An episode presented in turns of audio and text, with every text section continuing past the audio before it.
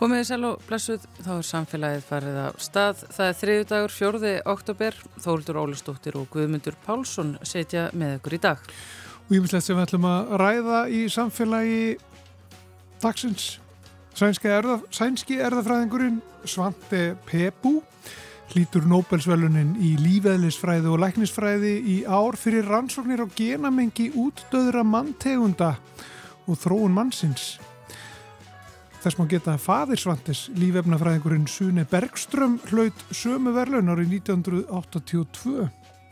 En kollegi Svantis, Arnar Pálsson, erðafræðingur, segir okkur allt um Nobelsvelunahafan og rannsóknir hans og eftir.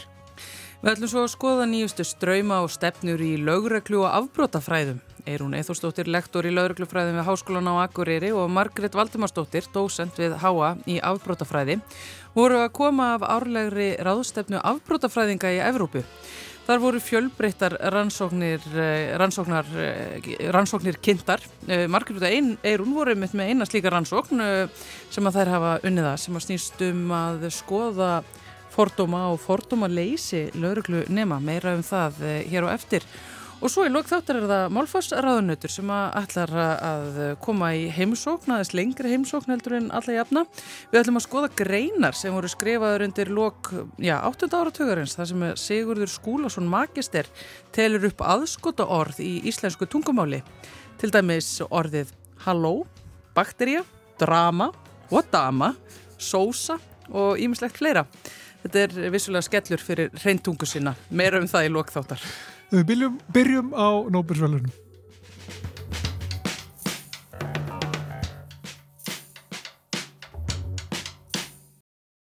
Í gær var tilkynnt um það hver lítur Nóbelsvælunin í lífeðlisfræði og læknisfræði þetta árið og þá tilkynnt að það er sænski erðafræðingurinn Svante Pebu sem að lítur velunin og það er fyrir rannsóknir á genamengi útdöðra manntegunda og, og þróun mannsins. Arnar Pálsson, erðafræðingur, er sestur hérna hjá mér, verður velkominn til okkar. Takk fyrir kjæla. Eh, þetta er kollegiðinn, Akkurat. erðafræðingur, sem að lítur þessi velun. Um, getur þú sagt okkur eitthvað af hans um, afregum á vísindarsviðinu? Af hverju er hann að hljóta Nobelsvelun? Já, hann hefur hérna, stundar rannsóknir á hérna, mönnum og öðrum tegundum, bara eiginlega allan sinn feril. Hann byrjaði mjög snemma að hafa áhuga á forn erða, erðaefni, sem við kallaðum þá ancient DNA, er hérna að ná erðaefni úr hérna, lífrannum leifum hérna, eh, dáina manna eða annara tegunda. Hann hérna, þróaði sína verkvara kistu á, með því að vinna með hérna, leifar og mörgum öðrum tegundum dýra, hérna, bein og, og tennur og reyna þá slípa aðferði til þess að ná örðu að hérna, hillegu erðaefni úr tönnum eða fingurbeinum eða einhverju öðru sem að hérna, fundist hafa í hellum eða setljum eða eitthvað slíkt. Já, þannig að hann, hann er að leggja grunninn að, að þessum rannsónum eða hvað? Já, það er svona framlægi kannski helst aðferðathróun og kannski svona bara ákveðin svona ein, einbeitinga kjarkur að halda kursi við það að vinna akkurat við þessi vandamál þóttu sé ákvæðlega krefjandi. Menna, þetta er það eh, lífrann að lifa brotna mjög hratt niður. Menna, hundar sem grafa bein í garð Menna, þetta grotnar niður og verður að engu eða eitthvað. Og það er bara mjög mjög fáar leifar eða bein sem að hérna, varvitast og inn í þeim DNA er merkilega stöðug samind en hérna hún brotnar samt niður og það verða ákveðin efnakvörfa á þeim þannig að hún röðin breytist og, hérna, og, og fleiri þeimdur þannig að, að hann þróaði mikið á samt mörgum, mörgum öðrum samstagsmönnum og, og öðrum hérna, vísindamönnum aðferði til þess að hérna, taka sama sínið meðhöndlaða Eh, kannski skipta því upp en að vinna úr því á þremur ólíkum stöðum eh, reyna að finna leið til þess að reynsa mengun, umhverfismengun þá frá örverum eða einhverjum forlega frá einhver sem hefur að handleika beinin og alls konar svo leiðis og, og reyna síðan að, að finna út, segjum að þú ert með sama beini sem, sem fyrir að þrjá staði þá getur þú fundið út hvað er eiginlega sameinlegt en að úr þeim þreymur greiningum til dæmis. Og, og þá náða átt að sá því hvað er raunverulega bein en að þessa, þessa fuggls eða, eða úr þessum neandilsmanni Já. Og hvað er hægt að, að fara langt aftur, ef við getum sagt það sko, með þessum aðferðum og, og í hvað ástandi þarf þá þessum tilfellum flestum beinið mm. Eh, að vera?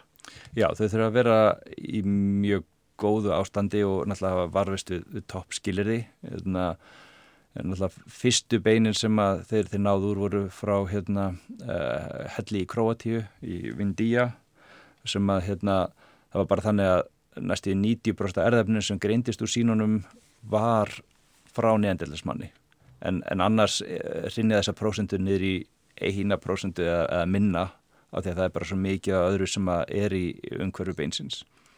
Þannig að eiginlega og það bein var þá 40.000 til 50.000 ára ef við mann rétt en síðan hefur fólk þá verið að þróað fyrir þess að ná einhverju nýtilegu jafnvel þótt að prósentan sé minni en 1 1 eða 5% og í það þessu aftar fara í 100.000 ára gummul bein eða, eða 200.000 ára og hérna nýlegasta greinin er um einhverja loðfílsmenjar sem að eiga að vera miljón ára gamlar sem að byrtist í fyrra. En hérna við þurfum að, þurfum að sjá hvort að einhverju fleiri ná að endur taka það til þess að vita hvort það sé raunverulega hægt að fara miljón ára aftur í tíman Jáhó Hverju hefur þetta breytt þessar, þessar uh, uppgötanir uh, Nobel-svelina hans núna, núna. Þessar, þessar aðferði sem að hann hefur náða að þróa.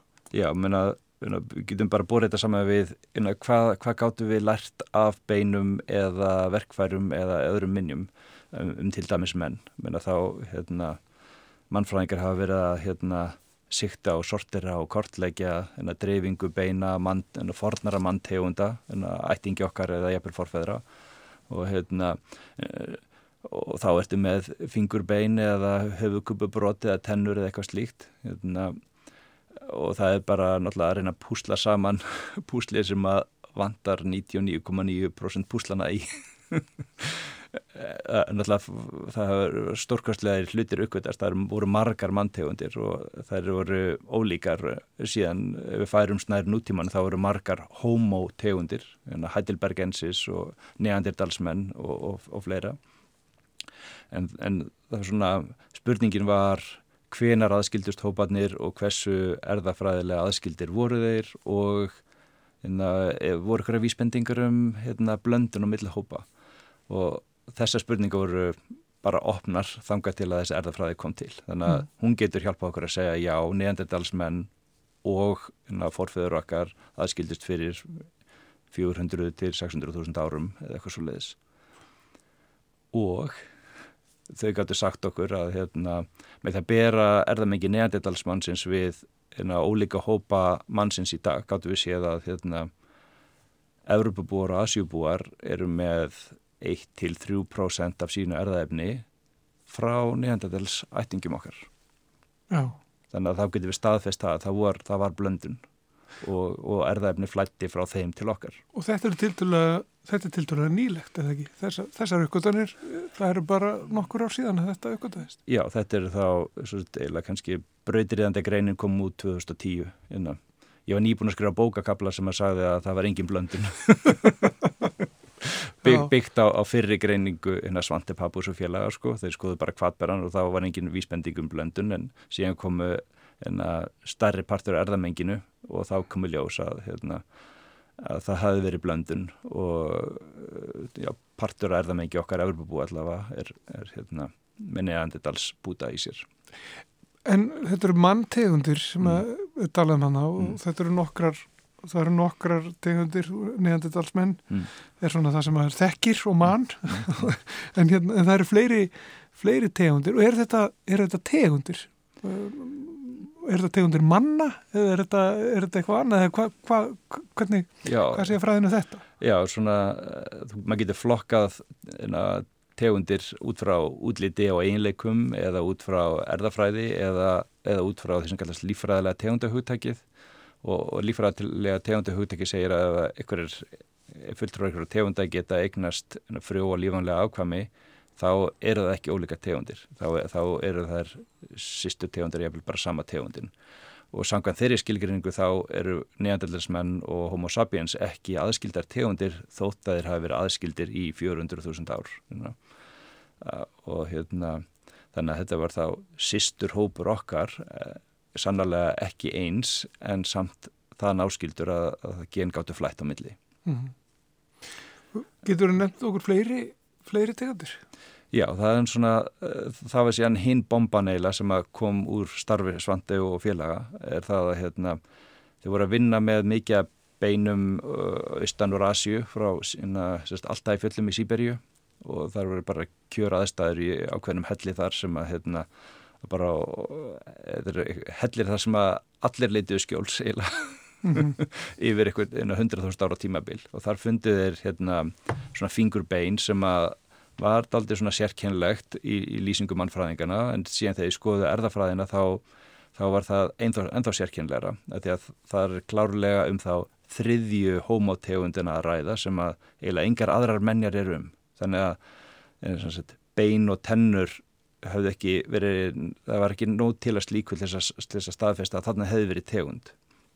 En erðaefni sínir að þessir, hérna, þessu hópur sem við varum að kalla Denisovans hérna, var sannlega samtíða hérna, okkur neandertalsmönnum á jörðinni var á aðeins hérna, dýbri grein heldur en hérna, uh, uh, neandertalsmenninir þannig að hérna, þú var aðalega í Austur Asju uh, mjög ólíkir um, kannski tvent sem að hérna, við getum svona eh, tvinnað við þetta, það er augljóst að þeir hafa einnig ægslast við forfeyður okkar. Þannig að ætnin, forfeyður okkar sem að voru í, í Suðaustur Asju og hérna numist í það sem kalla Melanasju í, hérna, hérna, í höfunum hérna, þar, þar austurundan þar sést svona 5% um það byl erðamerki frá Denisova fólki og og síðan sést líka þegar það fer að rína í fleiri og fleiri síni að, hérna, að Denisóvar og neandertalsmenn voru einnig í einhvers konar ástarleik. Þannig að það fannst hérna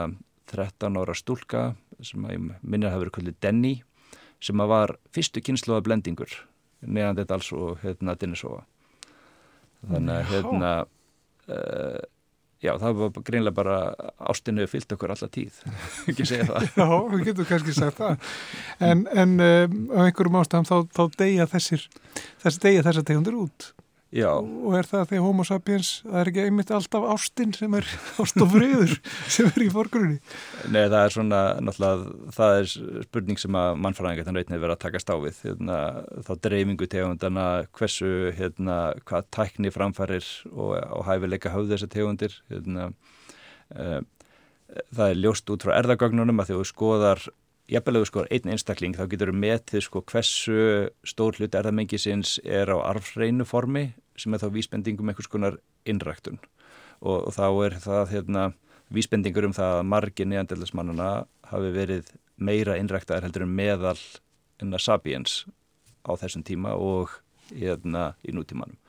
Þannig að e, það er líklegt að stofnun hafi þá verið smár og hérna innræktun hjálpar engum stofni, það er svona ítir lífurum yfirleitt svona nær hérna útdöðabrúninni en, en það er alveg ómögulegt að segja hvort að það hefur verið bein samkeppni eða hvort það hefur bara verið þá eitthvað svona þeir hafi verið sérhafðir í að veiða ákveðin dýr en síðan nignaði þeim stofnum eða eitthvað. Mm -hmm. og hérna, þannig að það er raun og verið algjörlega hérna, raun og blind í sjóin þar. Já, þetta er ekki, þetta er ekki homo sapiens að að riðja öllum úr vegi sem að fyrir eru.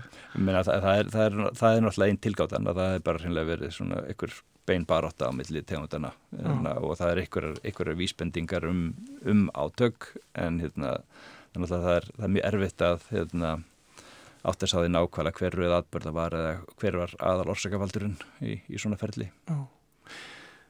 Hvaða spurningum er, er ósvarað? Hver, hver eru stóru spurningarna sem hann er glímað við núna og, og, kannski, mm. og kannski nýta þessar aukvöldanir um, svandi og, félaga til, margt, til að leysa? Já, það er náttúrulega margt sem hefur fyllt í kjálfæri menn vilja íta þessu aftar náttúrulega að reyna að skilja hérna aðrar tegundir, menna homo erectus eða australopithecus, það verður stórkastlega ef við næðum hérna 6 miljón ára aftur í tíman eða 3 miljón ára aftur í tíman, það verður meiri hátar gaman sko, en það er líka bara að, að skilja sko þessi mynd sko þar sem að samhliða voru þrjár tegundir manna á jörðinni og síðan blöndust þar saman, þetta er endar svona þema sem verist hafa hafa verið að endur taka sig þegar við skoðum, á, skoðum sögu þá nútíma mannsinn segjum síðustu 50.000 ár eða, eða, eða 10.000 ár þar sem að hópar aðskiljast en blandast aftur og það er bara mjög margt að koma í ljós þar bara um sögu Evropubúa, hvernig hún gjör byltist fyrir 5.000 árum, sama með Indland eðna, hérna, og saga landnáms Ameríku, en að þannig að það er, það er aðskilnaður síðan endurblöndun og uppstokkun sem að hérna ætti náttúrulega undirstryka fyrir okkur að, að menninir eru allir einn tegund og við erum all einhvers konar uppstokkun af erðamengi forfæður okkar, Menna, við erum ekki af einhverju ættar tríða þar sem getur sagt að við séum hreinræktaðir Egil Skallagrimssons afkomendur eitthvað, við erum öll, tilherum öll einhverju ættar neti og, og rætur þessa nets liggja bara um næstu því öll meginlöndin og alltaf hópana. Já. Þannig að það er, það er svona uh, mjög virt rannsóknarsvið og síðan kannski við tengjast aftur yfir í hérna, neandadalsmennan og Denisovana þá er fólk að spyrja, menna við fengum einhver gen frá þessu fólki, hérna, hvaða eiginleikar tengjast þessum genum? Og það er svona, uh, það er kannski, það er tvent kannski sem ég get bætt við þar, það er hérna, í fyrsta lagi þá eru þau ekki öll frábær. Þannig að það, það eru merki um að geni frá neandadal séu kannski aðeins minna góð heldur en þau sem við erum með af því að þau svona prósendan hefur verið að minka í gegnum en að kynsluðunar og menn það er partar erðamengin okkar eins og exið, exlitningarnir þeir eru neanderdals frýr en það er ekkert á exinu sem er ætta frá neanderdal þannig að það, það er, það er ein, einn vingil en það er samt sérst hinn vingilinu sá að það er greinlega eitthvað sem að sem að gagnaðist og það er þá dæmi um sagt, útgáfra genum sem að vernda okkur gegn einhverjum hérna, pestum sem að hafa þá borist frá ættingum okkar. Uh -huh.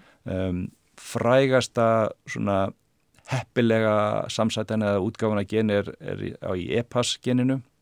Og þá er það þannig að hérna, uh, í hérna, Himalaya fjöllum, í Tíbet og Nepal og þar, þar er fólk sem að þraukar við stórkostlega erfiðar aðstæður hvað var það súröfnis upptöku þannig að serpanir, þeir geta klifrað upp á hérna, e, upp á Mount Everest eins og ekkert sé meðan við kvítingarnir erum að hérna, másum að blásum og þannig að lífeylisfræði serpa og hópanaðan upp er allt öðri í sig vegna þess að hérna, uh, já, rauðublóðkvarnin og súröfnismettunarkerfin þau bara virka við aðrar en að grunna aðstæður og það kemur í ljósa að það er svona þetta e-pass hérna útgafa sem er þá í 1% tíðni á meilandi hérna, eh, Kína er í 8-90% tíðni meðal hérna, fólksins upp í fjöldunum í Tíbet og þar. Þannig að þarna var einhver útgafa sem að barst síðan greinilega frá, punkturinn það að þessi, þessi útgafa genuru barst frá ættingum okkar inn í hérna, Austur-Asjúbúa og var síðan mjög heppileg fyrir þá sem byggur fjöllum og þessna var það allsraðandi þar og, og gaf þeim þessa hérna, stórkastlega hæfileika að geta klífið everest á þess að húfa og púfa. Um. Um, eru annars sko að því þú talar um, um neanderdalmennina mm. og, og þessar, ég var kallað erða erða leifar, eitthvað, eitthvað, hvað getur við kallað þetta? Jú, einhvers konar erða efni frá, frá neanderdalmennum. Er eitthvað svona engirandi fyrir það? Mm er þetta að tala um sko og er það ríkara í einhverjum, einhverjum fólki en öðru sko er, getur verið að þú hittir mann út á götu og, og það er eitthvað svona hann, hann tjáir meira einhvern veginn er það efnið frá nefndadalmannum Já það er svona eh, eins og e-paskinni það er, það er mjög auðvöld að skilja hvernig það virkar af því að það er eh, hérna svörun við súrumneskorti er mjög vel skilgjörn til lífælisfræðilega þannig að við vitum eiginlega hvernig þetta, er að, þetta gen er að virka. Mm -hmm. en síðan er þannig að ég er það mengi okkar 19.000 gen og við skiljum bara helmingin að einhverju leiti þannig að það er mjög margt sem að er þannig, í, í, í þóku óvissunar þannig að við vitum ekki hvað þau eru að gera eða hvernig þau gera eða hvaða 10 eða 20 eða 100 eiginlega þessi er að þetta eru að hafa áhrif á. Þannig að það er bara mjög margt órannsaka þar. En menna, við, við vitum að Asi og Europabúar eru með eitthvað hlaupandi þá 1-3% meðaltali og það kann alveg vera þá einhverjur okkar séu þá meira neanderdalslegir einstaklingar mm og mhm. aðrið þá minna. Menna það er en, uh, við vitum að Afrikanar eru eiginlega hreinir. Þannig að við getum sagt að neandaldalsgen eða dinosofagen sé einhvern veginn svona mengun sem kemur inn í, í homo sapiens þá eru afrikanar eiginlega hreinastir erðafræðilega þannig að sanga þeirri skilgrinningu en uh, með náttúrulega einhverjum undatekningu það, það er einhver dæmi um neandaldalsgen þar en það er bara svona setni tíma hérna, innflæði sko. En hérna en uh, það er svo í svara spurningunni en að beinta er bara mjög erfitt að að ráða í nákvæmlega framlagi þessara þátt á þá heildar eiginleika sköpulag eða háttalag eða sjúkdómstóli eða lífeylisvæði eða hvað sem er Ó, mm. Bara rétt í lokin þú, þú hérna, þegar þú kemur til okkar sem nokkur, hefur gert nokkur sinnum mm. þá ertu með pappira átt með þér eitthvað og og nú er bók hérna borðinu sem þú ert með þessum langar að spyrja það úti sko.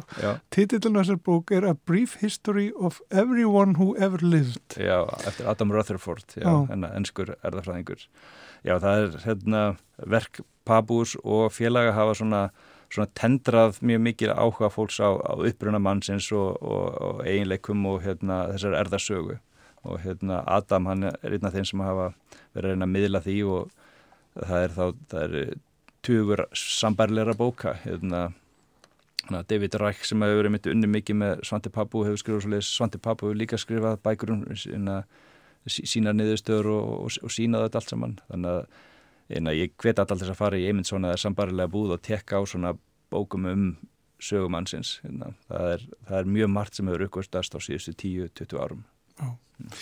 Takk fyrir komuna Arnar Pálsson, takk fyrir að ræða okkur um uh, sögumarsins út frá uh, þeim fréttum að sænski erðafræðingurinn Svante Pebú lítur Nóbersvölunin í lífeðlisfræði og læknisfræði í ár. Takk fyrir þetta. Takk fyrir.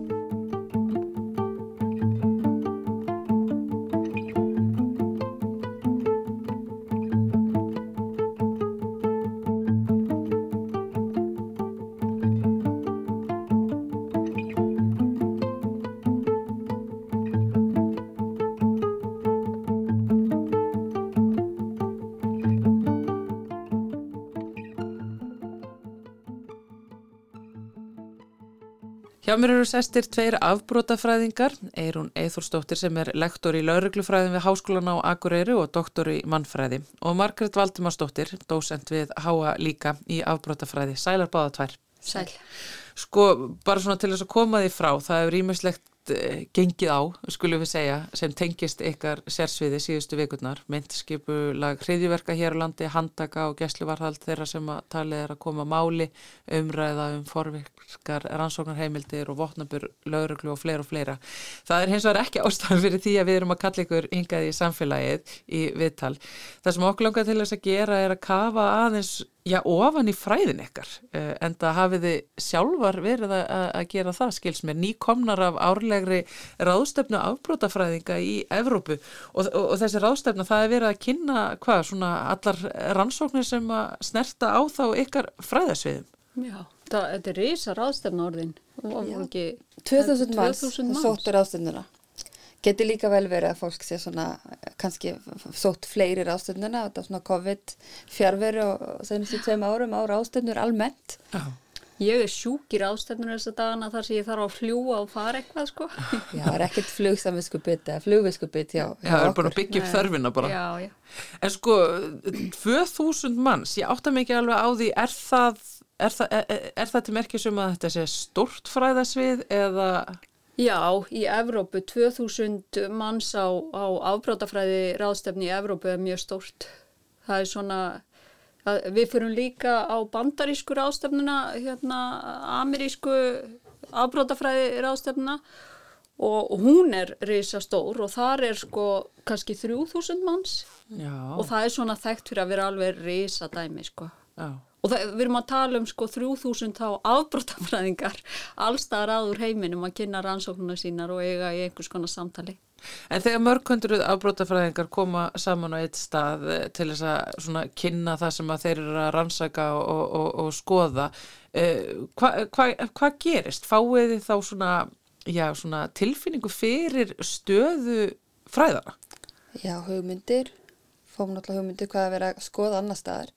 Já og svo er þetta líka snýrið þetta miklu leitt um að skapa tengslanett mm. út af því að það hefur líklega myndi ég halda aukist mikið að fólk sé að sinna rannsóknum saman og mm. skrifa saman og þá þartu náttúrulega að kynast fólki sem er að skoða sem er hlut og þú og myndi þá einhvers konar svona samband ykkur á milli svo fólk hvari að, að rannsaka og þá stundum þá kannski fólk frá ólíkum löndum þannig að það sé að skoða saman hlutin í ólíkum löndum og bera svo saman á millilanda. Já, það er náttúrulega ómetanlegt. Sko það er verið að kynna þarna rannsóknir uh, úr öllum löndum og úr öllum áttum og, og þið voruð að gera það líka, íslenski hópurinn, þið tvær voruð að, að kynna verkefni sem að þið hafa verið að vinna. Eh, Segja okkur aðeins eh, af því. Já, þetta er sem sagt... Uh, Þetta byggir á spurningalistakonu sem er lögð fyrir nemyndu þegar þau eru bara á nínumadögum eða hefja nám í lauruglufræðum. Já, þannig háa. Já, og uh, þetta kom eiginlega til með þeim hætti að um, einhver ár og líka í gamla laurugluskólan var lögð fyrir stór evrósk rannsókn, rannsókn spurningalistakonun fyrir nemyndu sem heitir Rekpól. Og Guðmundur Ævar Oddsson sem er... Uh, dósent við Háskólan Akureyri hefur verið stýrt því eða lagt það fyrir. Og árið 2018 þegar ég hef störf og þá sem sagt fæ ég að leggja við þessa könnun auka spurningar sem snúa bara að svona fjölbyttuleika samfélagsins. Við þurfum þá nefnda til fjölbyttuleikans, við þurfum nefnda til mála sem getur komið upp í lauruglu sem tengist svona hugmyndi fólk um fjölbyttuleikan og svona hugmynd þeirra um, eða viðhór þeirra til að að læra um fjölbyttuleika í lauruglu námi. Bara eins og fordómapróf? Já, ekki kannski alveg fordómapróf, því það er mjög erfitt að mæla fordóma og það kannski skýrist kannski hluti til því að, að þú veist alveg að þú, að það, flestir vita að það er vera með fordóma. Þannig að þú veist, ef maður spyrir einhvern veginn með fordóma? þá segir viðkomandi, nei. nei, ég er ekki með fordóma. En Ég hef ekkert á móti lituðu fólki já, en, en, já, en, en þannig að þetta er kannski meira verið að spyrja um bara hvað við þurfum að hafa til að læra um málefni sem tengist fjölbyttileikanum læra um bara fjölbyttileika í námi sínu og með hvað hætti þú svona kannski telja það nýtist þeim þá í starfi og líka þreyfa pínu á það hvað þau sjá fyrir sér að því að það eru ímiðskona svona málefni eh, sem sagt brotaflokkar annars líkt sem stundum er tengt oft með raungu við minnutópa og það, ég var, hugmyndi var líka svona einhvern veginn að þreyfa því hvernig þau eru að hugsa þetta. Sjáðu fyrir sér framtíð í, í lauruglustarfinu þar sem þau eru að eiga við bara málefni eins og gengjamyndun, uh, þú veist, inflytjenda, mm. um, skipulega brotastar sem inflytjenda, uh, hriðjuverk þá, íslamista til dæmis og svo framvegis. Þannig að það var kannski svona megin tilgangurinn. En svo fekk ég náttúrulega sko Margreði sem er náttúrulega snillingur í, í meginleiri rannsóknar aðferðum sem að ég er ekki að það ég er meira ég eiginlegri að hún, og ég fekk hana með mér í þetta til að hjálpa mér að lesa úr gögnunum og annað slíkt og, og við kynntum þá saman sem satt á ræðstunni frum niðurstur Já, og hva, hverjir eru þær? Hvað eru þau að sjá út úr þessum spurningalista? Sko við erum að sjá kannski, þetta var svona bara lítið hluta því sem hefur verið lagt fyrir og í þessum hluta sem við vorum að kynna þá sjáum við það að þegar laurugluna var að stíga sem fyrsta skrefi í náminu þá virðastu vera með opið hugafar, gagvart fjölbytleikan og það var alveg bara mjög ábærandi sko jákvægt viðþorf Já. og það var marktakt meira hjá kvenkins nefndum heldur en kallkins og svo var svona, já, nána sko til dæmis bara flest allir til dæmis voru sammála því að það væri mikilvægt að læra um hatusklæpi til dæmis. Þannig að það var svona já, mjög mikil jákvæðni í bara þessum, þetta eru fjögur ár sem við tókum saman. Mm -hmm. Já, já þetta voru nokkuð svona góða niðurstöður hmm. og hérna eini svona mununa því við skoðum þessi viðþóru á milli ólíkra hópa eftir aldri nefnanda, eftir hérna hvaða ár þau voru að koma inn í námið, hvort það hefði orðið eitthvað breyting uh, eftir uppbruna nefnanda og, og það var eini munur en var þarna þessi kynjamunur að, að stelpur eða hvern uh, lauruglufræði nefnendur eru aðeins jákvæðari mm. gagvart svona fjölbreytileika læra um fjölbreytileika heldur en mm. kalkins nefnendur já það var svona megin varðandi svona málaflokkana sjálfa þá vakti það kannski smá aðtöklu okkar að þau voru síst sko jákaka hvort ég lærum hins eginleika og við veltum því svolítið upp og nú erum við náttúrulega ekki búin að kafa ofan í það og spurja kannski nánar út í það en við veltum því upp hvað hva gæti verið að skýra það og eina þeim kannski bara hugmyndi sem við tvær vorum að velta fyrir okkur var til dæmis það hvort að bara almennt nefndur upplifið að þau þekki bara þann málaflokk svo vel að það er nefnilega búin mikið umræðin og svo framvegis að þau teljist ekki þurfa að læra um hann já, já. Eða ekki það, það er náttúrulega yngri kynnslögin sko þau eru mhm. bara þau eru á öðru stað heldur en þau sem eldri eru en hugmyndin er líka svo að út af því að þessi könnun er lögð fyrir árlega og í samfloti við þessa rekkból könnun að leggja hana líka fyrir þegar þessi nefndur hafa starfað í lauruglunni í einhver tíma til að sjá hvort að viðhorfi hafi breyst. Hvort að hafi eitthvað dreyð úr þessari jákvæðinni og, og björnsýna þeirra til uh, samfélagsins síns. Akkurat, já, svona, já, einmitt. En gæti þetta ekki verið tólkað já, sem nokkuð svona skimun, veist? Má lauruglufólki ekki vera rasistar með að þau ekki líta niður og jæðarsetta og hafa hortni síðu hinsegis fólks? Sko... Nei, ég, ég myndi segja svar við því sé nei. Já, ég tek undir hérna, það. Að, það er bara mikilvægur í þessu starfi heldur en mörgum öðrum að, að, hérna, að fólk hafi minni fordóma og það er náttúrulega, eh, ég meina öll höfum við fordóma, mm við mhm. bara vitum það en, en ég held að það sé bara rosa mikilvægt að, og sérstaklega sko að fólk sé jákvægt fyrir því að læra og, og læra meira um fjölbreytileika samfélagsins og þess vegna voru náttúrulega niðurstöður okkar jákvæðar já, já.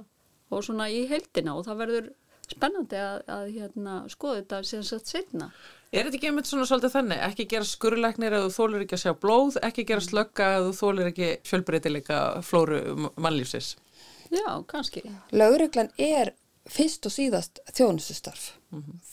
Það er verið að þjónusta borgaran almenning og almenningur er alls konar og við veitum það að kannski stór hluti af starfi lauruglunar er að eiga við jáðasetta einstaklinga mjög stór hluti starfi lauruglu er að að á almennu deildarinnar þess sem er á bíl, út á bílánum er að koma í mál það sem að fólk er með andleg geðranvandamál uh, jáðasetta einstaklinga með fíknisjúkdóma uh, og svo framvegs, inflytundur og, og auðvitað aðra. Og það gengur ekki að lauruglumann sé með miklu fordóma gagart þessum hópum út af því að það myndi öllum líkindum hafa áhrif á þá þjónustuna sem að þau veitu þessum einstaklingum og þessir einstaklingar uh, eiga jafnan rétt á góður þjónustu fyrir lauruglu eins og aðrir wow. mm -hmm. Aðteglisvert að heyra þessu rannsóknarverkefni ykkar aftur að ráðstefnunni af því að þið eru að hlusta á fullta fólki bara eins og ykkur sem er að kynna sín verkefni. Eru þið að merkja einhverju svona rauða þræði sem er að byrtast innan fræðina, einhverju svona ströyma og stefnur?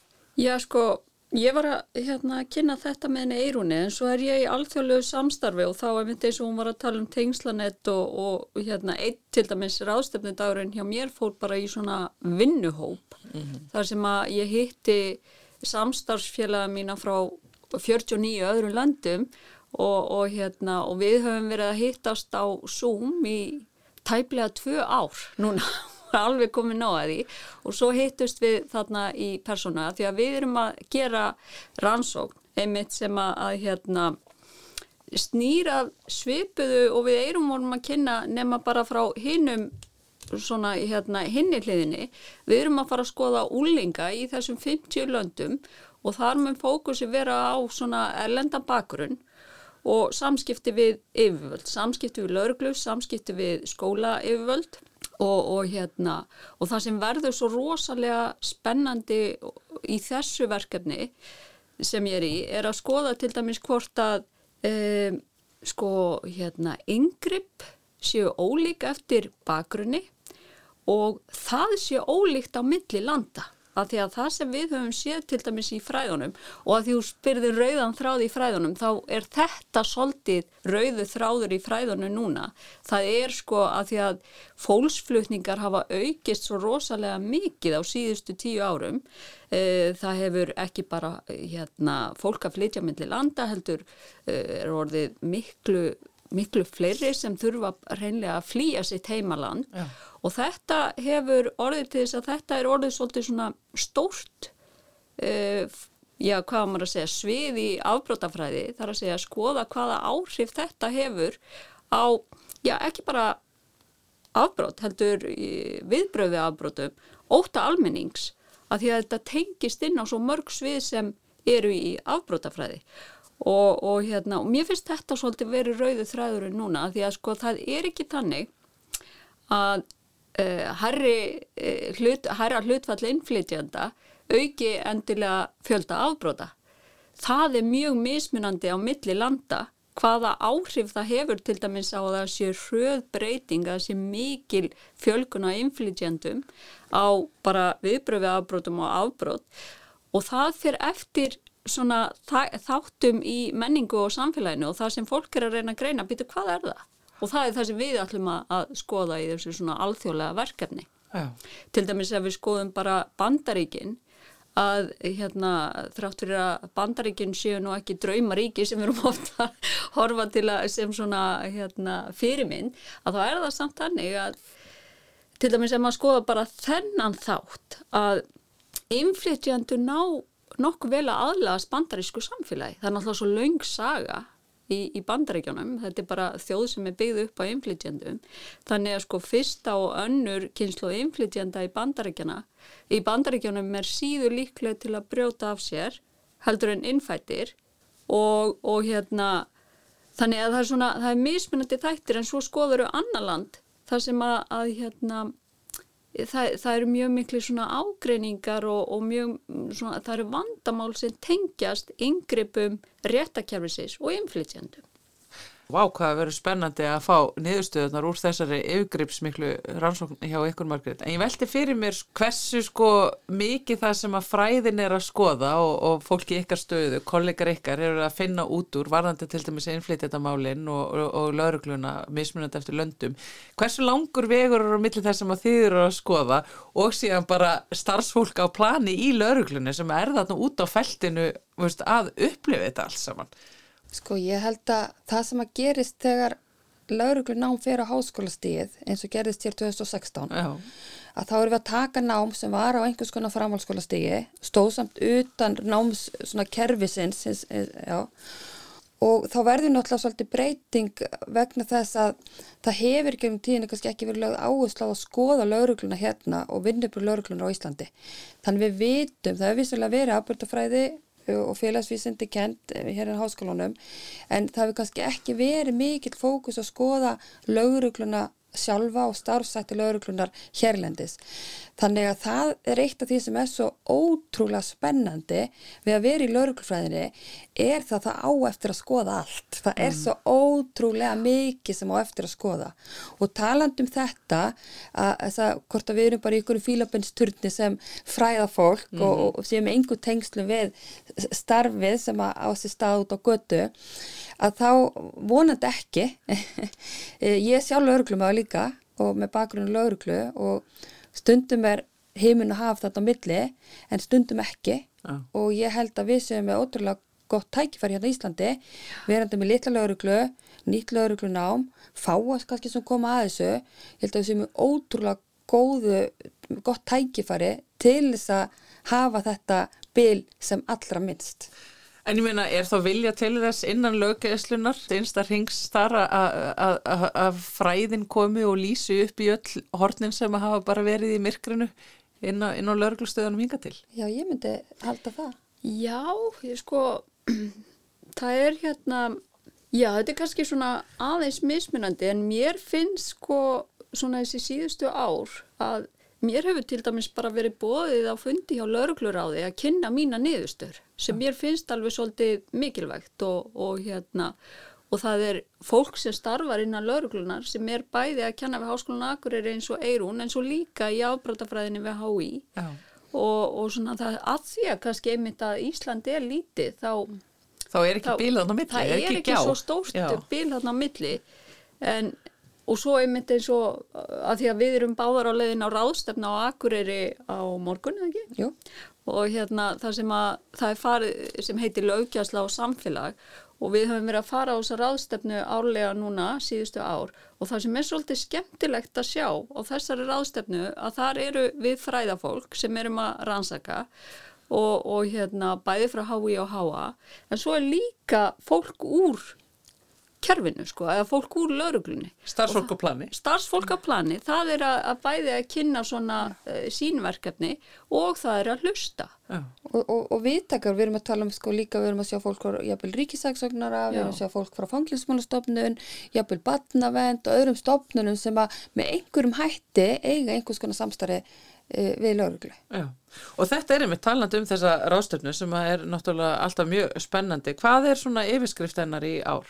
Lögjöld og samfélag enn og yfirleitt alltaf svona yfirskriftin talað um bara... Mannekla í lauruglunni. Mannekla í lauruglunni var það. Til dæmis mikið búið að tala um það núna undir fara daga í tengslu við þessa myndu hriðverka og það er manneklan. Já, mm -hmm. já, þannig að það verður eflust ímislegt sem að kemur fram þannig á þessari ráðstöfni hjá okkur hvað það varðar og, og örglega eitthvað sem við höfum eftir að taka fyrir hér í samfélaginu en það var mjög gaman allan að fá þennan, þessa kynningu á ykkar fræðum og þeirra stöðu bæði hér heima á Erlendis sem, sem eh, undirbúning að því þá bara segjum við takk fyrir í byli Eirún Eithórsdóttir, lektor í lauruglufræðum við Háa og doktor í mannfræð og svo Margaret Valdimarsdóttir sem er dósent við Háa í afbrótafræði. Takk fyrir komin í samfélagið. Takk fyrir.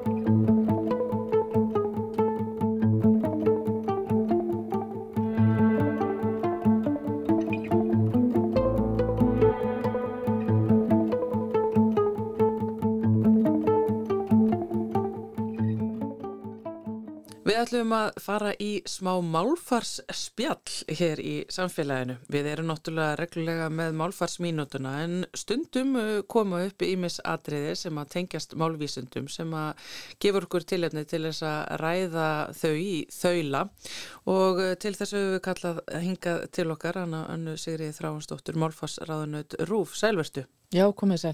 Tilinu þess að þú er komið hérna til okkar í dag er að, að eh, það fór á flót á samfélagsmiðlum fyrir skemstu eh, grein sem var eh, skrifuð í lesbók Morgunblæðsis eh, já, bæði 77 og 78 sem að þessar greinar eru skrifaðar. Það sem að Sigurður Skúlason magister er að fjalla um nokkur aðskota orð í íslensku Og það sem að fólk var nú svona að þess að flissa yfir eh, hvað var það þessa grein er það að hann er að benda þarna á að orð sem eru mjög algengi okkar máli bara til dæmis eins og halló eða bakterja.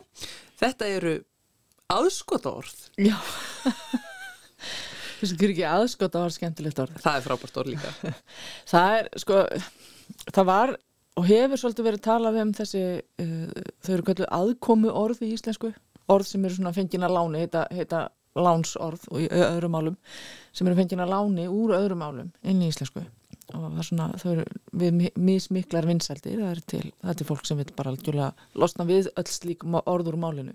En þá komum við að þessu sem að þú veist að benda á þetta eru bara orð sem við notum á hverjum degi og ofta á dag og, og eru þau bara eru þau óæskileg Sigurður Skúlason magister, magister, hann vildi nú ekki endilega meina það Farðu aðeins yfir það með okkur, hvaðan er að fara þarna, Já, segja þarna í þessum greinum sínum?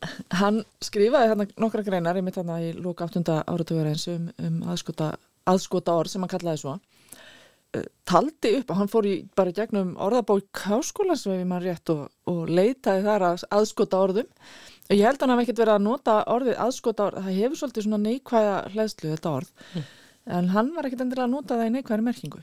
Hann var svolítið bara að tala um þau sem það sem að orð sem að hafa verið tekjunur öðrum málum og laga sér mísvel að íslensku. Og, og hann uh, var alls ekkit að mæla gegn þessum orðum og fannst ekkit ástæði til að, til að reyna að hrinsa þau endilega út á málunu og mörg þeirra hefði lagað sér vel að málunu og, og hann taldi hérna búið byrti í nokkrum greinum í lesbók Morgunblassis orð og hann er þarna til dæmis með gömul uh, tökku orð eins og ábúti og, og alltari sem að koma inn í máli bara með kristnitökunni. Svo er hérna með skemmtilegt orð sem er alibi. Já, já.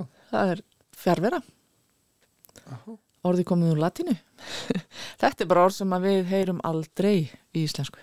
Nei, en hann hefur fundið þetta í sælasafninu og þetta hefur kannski komið inn í máli einhvern tíman jafnvelsnum á 20. öld eða jafnvel á 19. öld eða eitthvað og, og svo hefur það haldið áfram En það byrtir þetta bara lista af já, orðum Já, bara í stafrúsröð Já, í, í fjórum heftum Grein eftir grein já. í stafrúsröð lista af orðum Og, þarna... og síðar í greina, fyrsta greinin var með svona svallum ingangi en hinn voru bara án allra útskýringa voru bara byrtar, já. bara listar eins og það... þessi sem að Þórildur var að, var að benda okkur á En þessum tí, á þessum tíma um, þegar að, að þessar greinar eru skrifaðar þá er þá umræðan ekki svolítið mikil eh, einmitt í þá átt að, að viðhalda tungumálun og ekki vera að hleypa erlendum orðum inn og standa svolítið vörðum þetta og, og gera það íslenskunni svolítið vel af. Jú, ég held samt sko, eftir þess að ég les meira tímaritt.is er svo mikið hafsjóra fróðleik og það hefum svo mikið verið skrifað um íslensku.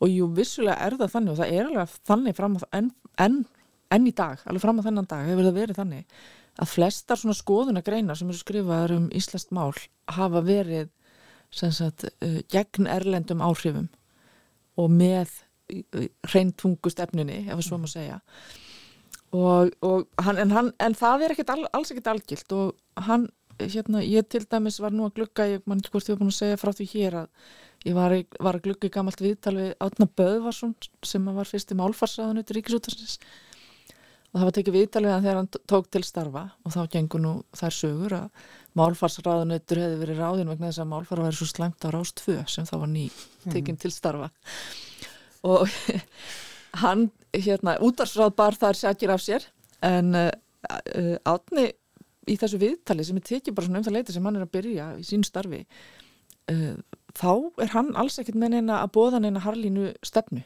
í reyntungu stefnu eða neitt þess áttar þótt annað hafi kannski svo komið á daginn þegar hann tók til starfa.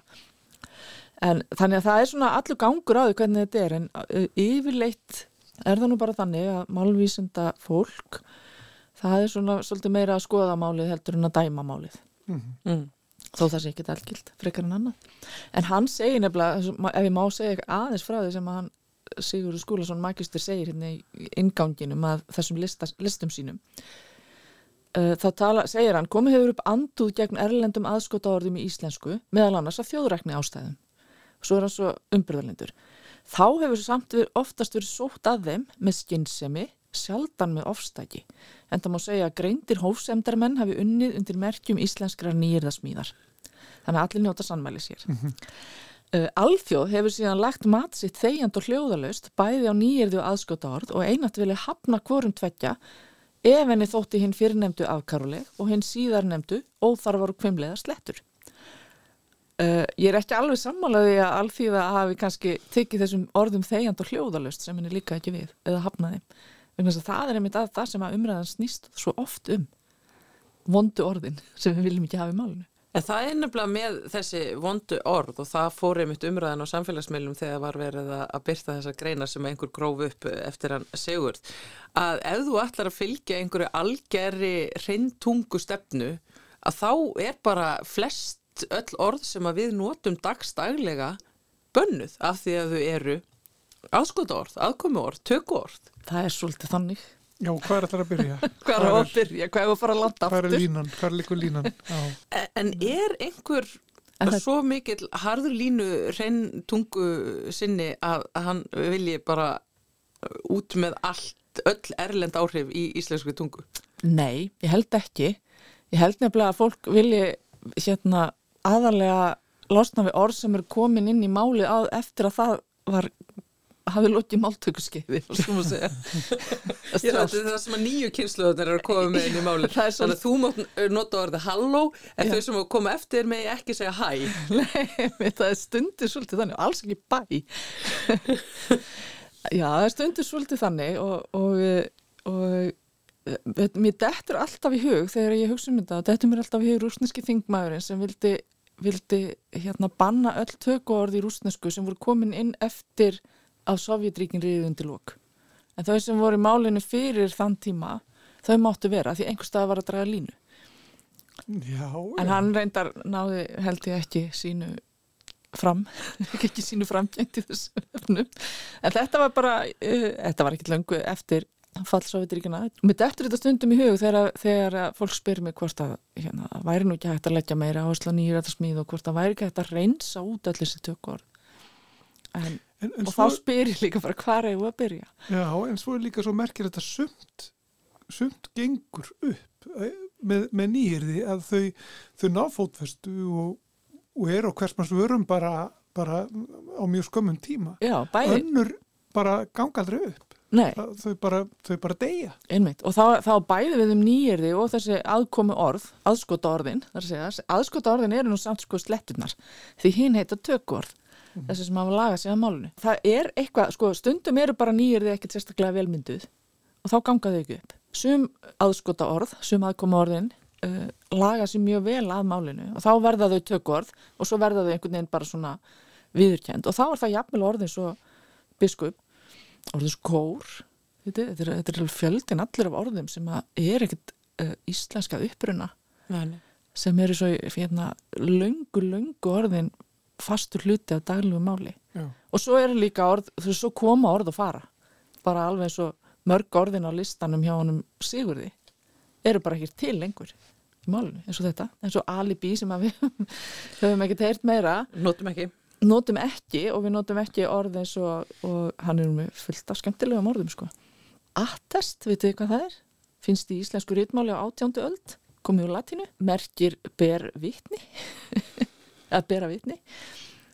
Uh, þannig að sko auðvitað vitum við það líka að íslenska var fulla fulla uh, tökkorðum og svona, svona aðskota orðum uh, áður en reynntungustefnan rauk upp Hallungur er hérna? Já, notar það mikið? Sjaldan. Veit ekki hvað er. Það, það, það þarf að ganga á ég nota það orð. Nei, ég við ekki henni það og ég hef bara ekki notað það orð og ekki sagt þetta upp átt Ég hef bara aldrei séð það heldur fyrir en ég, ég lasi þetta hana á listunum hjá hannum En það er einmitt þetta, sum orð virka og önnur ekki og einmitt talandu um hann árna gamla málfarsraðinu, þá man ég eftir að hafa fundið hérna á göngum Ríkisútvarsins eh, hann gaf út svona eh, ritt sem, að hann var að beina ræða um Íslands mál, svona mm. svolítið eins og málfarsmínutar þín í dag og málfarsspjallið, en þar var hann einmitt að beina þeim tilmælum til starfsfólks eh, Ríkisútvarsins að nota orðið lagbaka yfir það sem við þekkjum í dag sem lasagna og það þýðir þá vantilega að, að það hefur engin hlítunum ég held að lagbakka Mér finnst þetta reyndar frábær til það Já. Lagbakka og flatbakka Fín íslensk nöfnaður sem ítalska mat. bara... Þú myndi ekki nota annað henni frá. Lagbakka, ég, bara, ég komi vatni í munnin bara hugsa um lagbökkunum sem ég ætla að helda í kvöld. En svo er einmitt sko, nú fyrir við að, að ljúka þessu en það er ofta reynd og, og þykir mikilvægt að finna nýjirði, frekar hann að hleypa aðskota orðum inn. E, Facebook, það er eitt sem að var, um, það er orð sem að, eða heiti eða hvað við kallum það, sem var mikið, menn lögðu mikið á sig að, að finna eitthvað í staðin fyrir það. E, og það er ekkit, það er ekkit flókið að þýða Facebook. beint, þó, það er ekki flókið því það er bara beint, nei, er það? Mm. E, það við vitum hvað það þýðir það við veitum hvað feist þýðir og við veitum hvað búk þýðir en, en þetta var mikið reynd Já.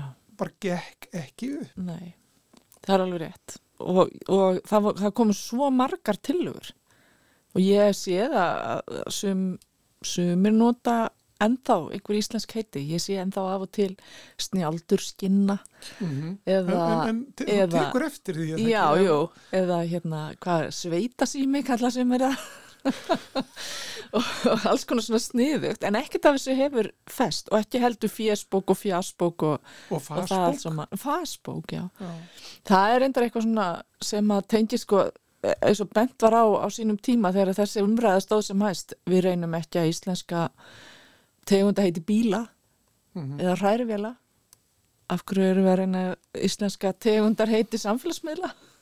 Nei. þetta eru skrásutu verumerki við, við tölum ennþá um, jú við lögum sum bíla heita íslensku en, sum, já, en við, við þýðum þau ekki samt Nei, við þýðum en... ekki Volvo þó að, þó að bíla umbóðið á, á sínum tíma heitið Veldir sem var þá mhm. þýðing mm -hmm. en Þú eru bílanir Já, einmitt það, það, er, það er stóra undatekningi kannski? Já, bílatin voru þýttir, ekki. Rolling Stones, Nei. ekki samkjöfnisæðilinn. Það var einhvern veginn bara, og það lifir enn. Það er svo merkilegt. Þá þessi löngu liðnur undir lók að við lifir þetta íslenska heiti á þeim. Já. Og svo var það líka að einhvers konar samheiti. Já. Þetta einmitt. var svona var... týpa, manngjörð. Hann er bítill og með bítlahár. Já, og það var tíska og, og garg, bílagargið og svo voru það flokkarnir sko, það var ekki hægt að þýða öll nöfnin þannig að það var appaflokkurinn Já til dæmis en, en, við hefum en, svona ríka tilhengu til þess að taka orð og laga þau á málinu en, en það og sumt fallbeigð og annað ekki fallbeigð skóta. Já, einmitt, og Toyota. og, og, og það er skóti. já, en við fallbeigjum ekki uppu Nei, en við erum svo fallbegið sum, sum erlendnöfn og önnur ekki. Við heyrum talað um bó, til Bórisar Einmitt. til dæmis og Hillaríjar Af hverju? Okkur finnst það bara einhvern veginn falla svo vel að íslensku held ég. Já. Ég held að það sé málið oh, ah, Lendardómar tungumálsins Ég held að það sé málið Það er gott að enda þetta bara þannig, er það ekki? Annars eru þráðanstóttir Málfarsraðandur, takk fyrir komuna Takk Og þá hvaði við önnu sigriði og ykkur hlustendur. Já, með þessum orðum. Með þessum orðum. Já. Samfélaginu loki í dag. Við komum hingað aftur á sama tíma á morgun Guðmundur Pálsson og Þórildur Ólastóttir. Hvaðja? Verið sæl.